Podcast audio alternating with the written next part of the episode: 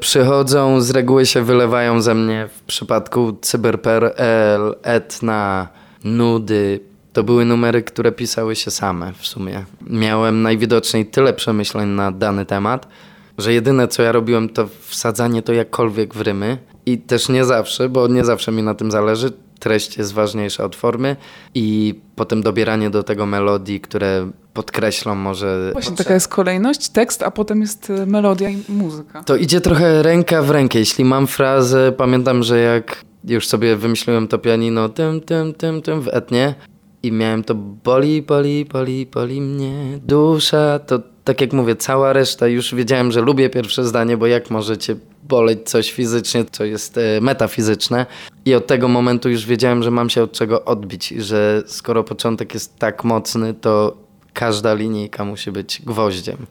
I uważam, że w tym numerze się udało napisać to tak, że każda jedna linijka jest dla mnie kolejnym, wiesz, ciosem, i, a nie po prostu laniem wody, żeby zapełnić numer, żeby miał tam 3 minuty 20.